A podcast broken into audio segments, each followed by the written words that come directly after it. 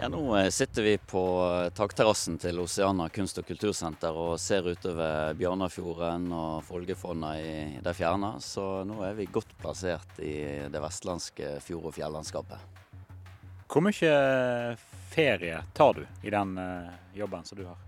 Det er jo veldig avhengig av hva år vi er inne i. Nå er vi inne i et mellomvalgår, så da har jeg faktisk prioritert å ta litt ferie i, i sommer. Så det blir tre uker pluss nå i, i juli. Hvor mye sjekker du jobbmailen når du har ferie? Du, Den blir sjekka hver dag, ofte mange ganger per dag. Syns du det er greit å bruke shorts når en er på jobb?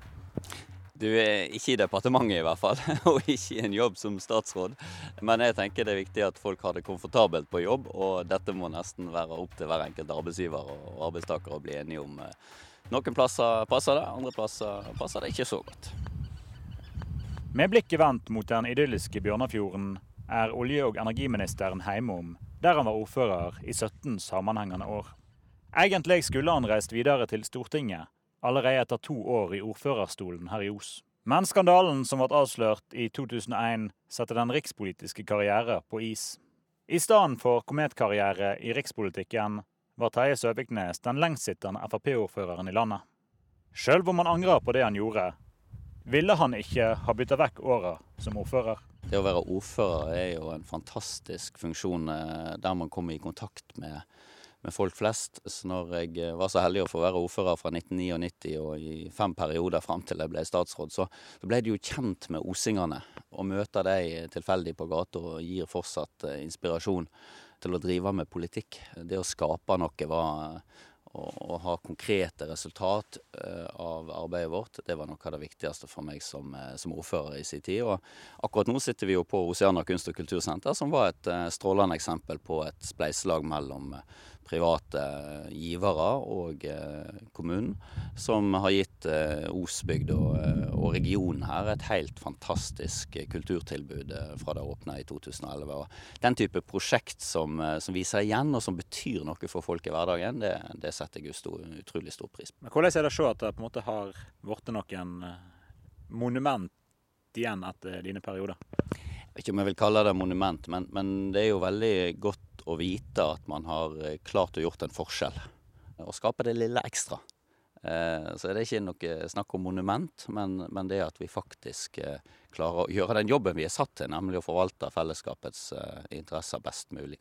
Denne våren så kom saker som har forfulgt deg som politiker tilbake igjen med full kraft. Når denne kvinna som har skylda deg for å ha eh, voldtatt henne, fortalte sin historie til Bergens Tidende og Aftenposten. Hvordan har du opplevd eh, at denne saka har kommet tilbake igjen så til de grader? Nei, Det er jo krevende, eh, ikke minst òg for mine nærmeste. Jeg har en datter på 14 og en sønn på 11. Og det å oppleve å få denne type medieoppslag rundt eh, pappaen sin, eh, er jo tøft. Samtidig så har jeg vært tydelig hele veien på at eh, det som skjedde den gangen i 2000, det skulle ikke skjedd, og det var mitt ansvar. Eh, men samtidig understreke at det skjedde ingenting straffbart. Det er ikke så mye mer fra eller til jeg kan gjøre, eh, men kjenner jo at det er krevende når det til stadighet kommer opp. Og, og nå understreker jo òg dere i NRK det ved å, ta det opp i et sånt intervju som dette.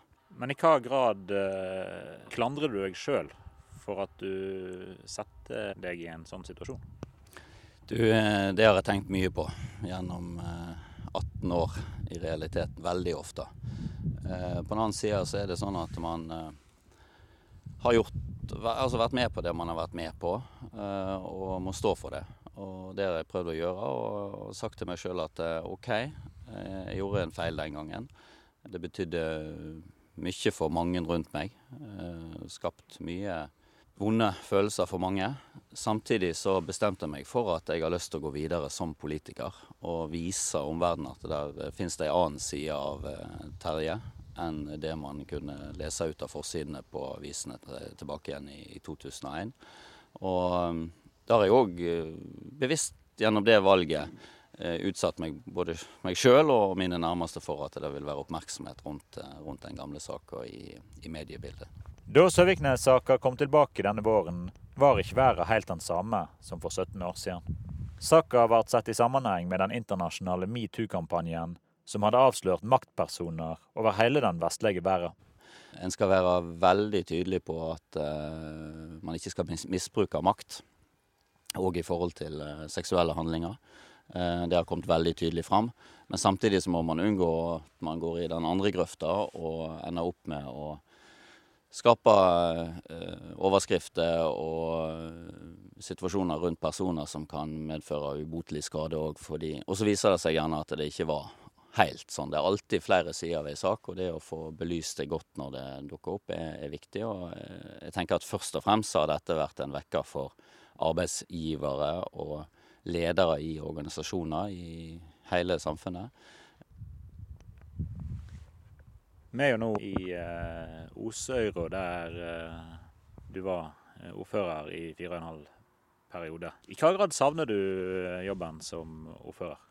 Jeg savner jo den litt, fordi eh, du fikk veldig nærhet til innbyggerne og fikk være med og utvikle prosjektet fra A til Å. Det blir veldig synlig det du gjør som lokalpolitiker. Men samtidig så har det vært en fantastisk mulighet å få ta del i regjeringas arbeid. Og eh, innenfor mitt fagfelt, olje og energi, så har det jo vært to år nå med enorm utvikling fra eh, det djupeste, djupeste bølgedalen eh, etter oljeprisfallet i 2014-2015, så har jo olje- og gassnæringa reist seg igjen. Eh, gjennomført formidable kostnadskutt. Vi ser jo at nedgangen er snudd til optimisme. Og akkurat nå så har vi nettopp godkjent den siste av ti utbyggingsplaner innenfor olje og gass som vi fikk inn i fjor samla investering på 124 milliarder kroner. og Det skaper jo arbeidsplasser. Det skaper eh, driver fram ny teknologiutvikling. Og så i, i, eh, siste instans skaper det jo store verdier for det norske samfunnet som går til å finansiere det som jeg drev med i kommunesektoren. Men som du er inne på, på den ene sida så er oljebransjen helt avgjørende for eh, norsk økonomi. På den andre sida så eh, havner en midt i eh, det som mange har valgt å kalle vår tids største utfordring, klimasituasjonen. Føler du deg trygg på at eh, du kan som olje- og energiminister i Norge se deg selv i speilet og være trygg på at du fører en politikk som du òg kan være fornøyd med noen år fram i tid? Ja, det mener jeg helt klart. Klimautfordringa er global, og da må den òg løses globalt olje- og gassnæringa i, i, Norge er underlagt et veldig strengt regime. Vi har hatt ei høy CO2-avgift på norsk sokkel siden begynnelsen av 1990-tallet, som har bidratt til at uh, olje- og gasselskapene har uh, hatt insentiv til å kutte CO2-utslipp fra sin produksjon.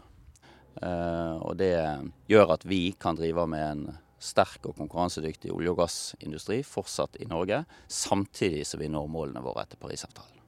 Samtidig snakker regjeringa om det grønne skiftet. Er det satt på vent pga. at en nå opplever bedre tider i oljebransjen? Nei, det er ikke sagt på vent. Eh, det var en stund det var veldig mye snakk om eh, det grønne skiftet i forstand at man skulle finne ut hva man skulle drive med i Norge etter olje og gass. Jeg er mer der at eh, diskusjonen må handle om hva vi skal drive med i tillegg til olje og gass. For vi skal drive med olje- og gassproduksjon på norsk sokkel i tiår framover. Men så skal vi diskutere, og ikke minst drive fram nye næringer ved sida av olje og gass.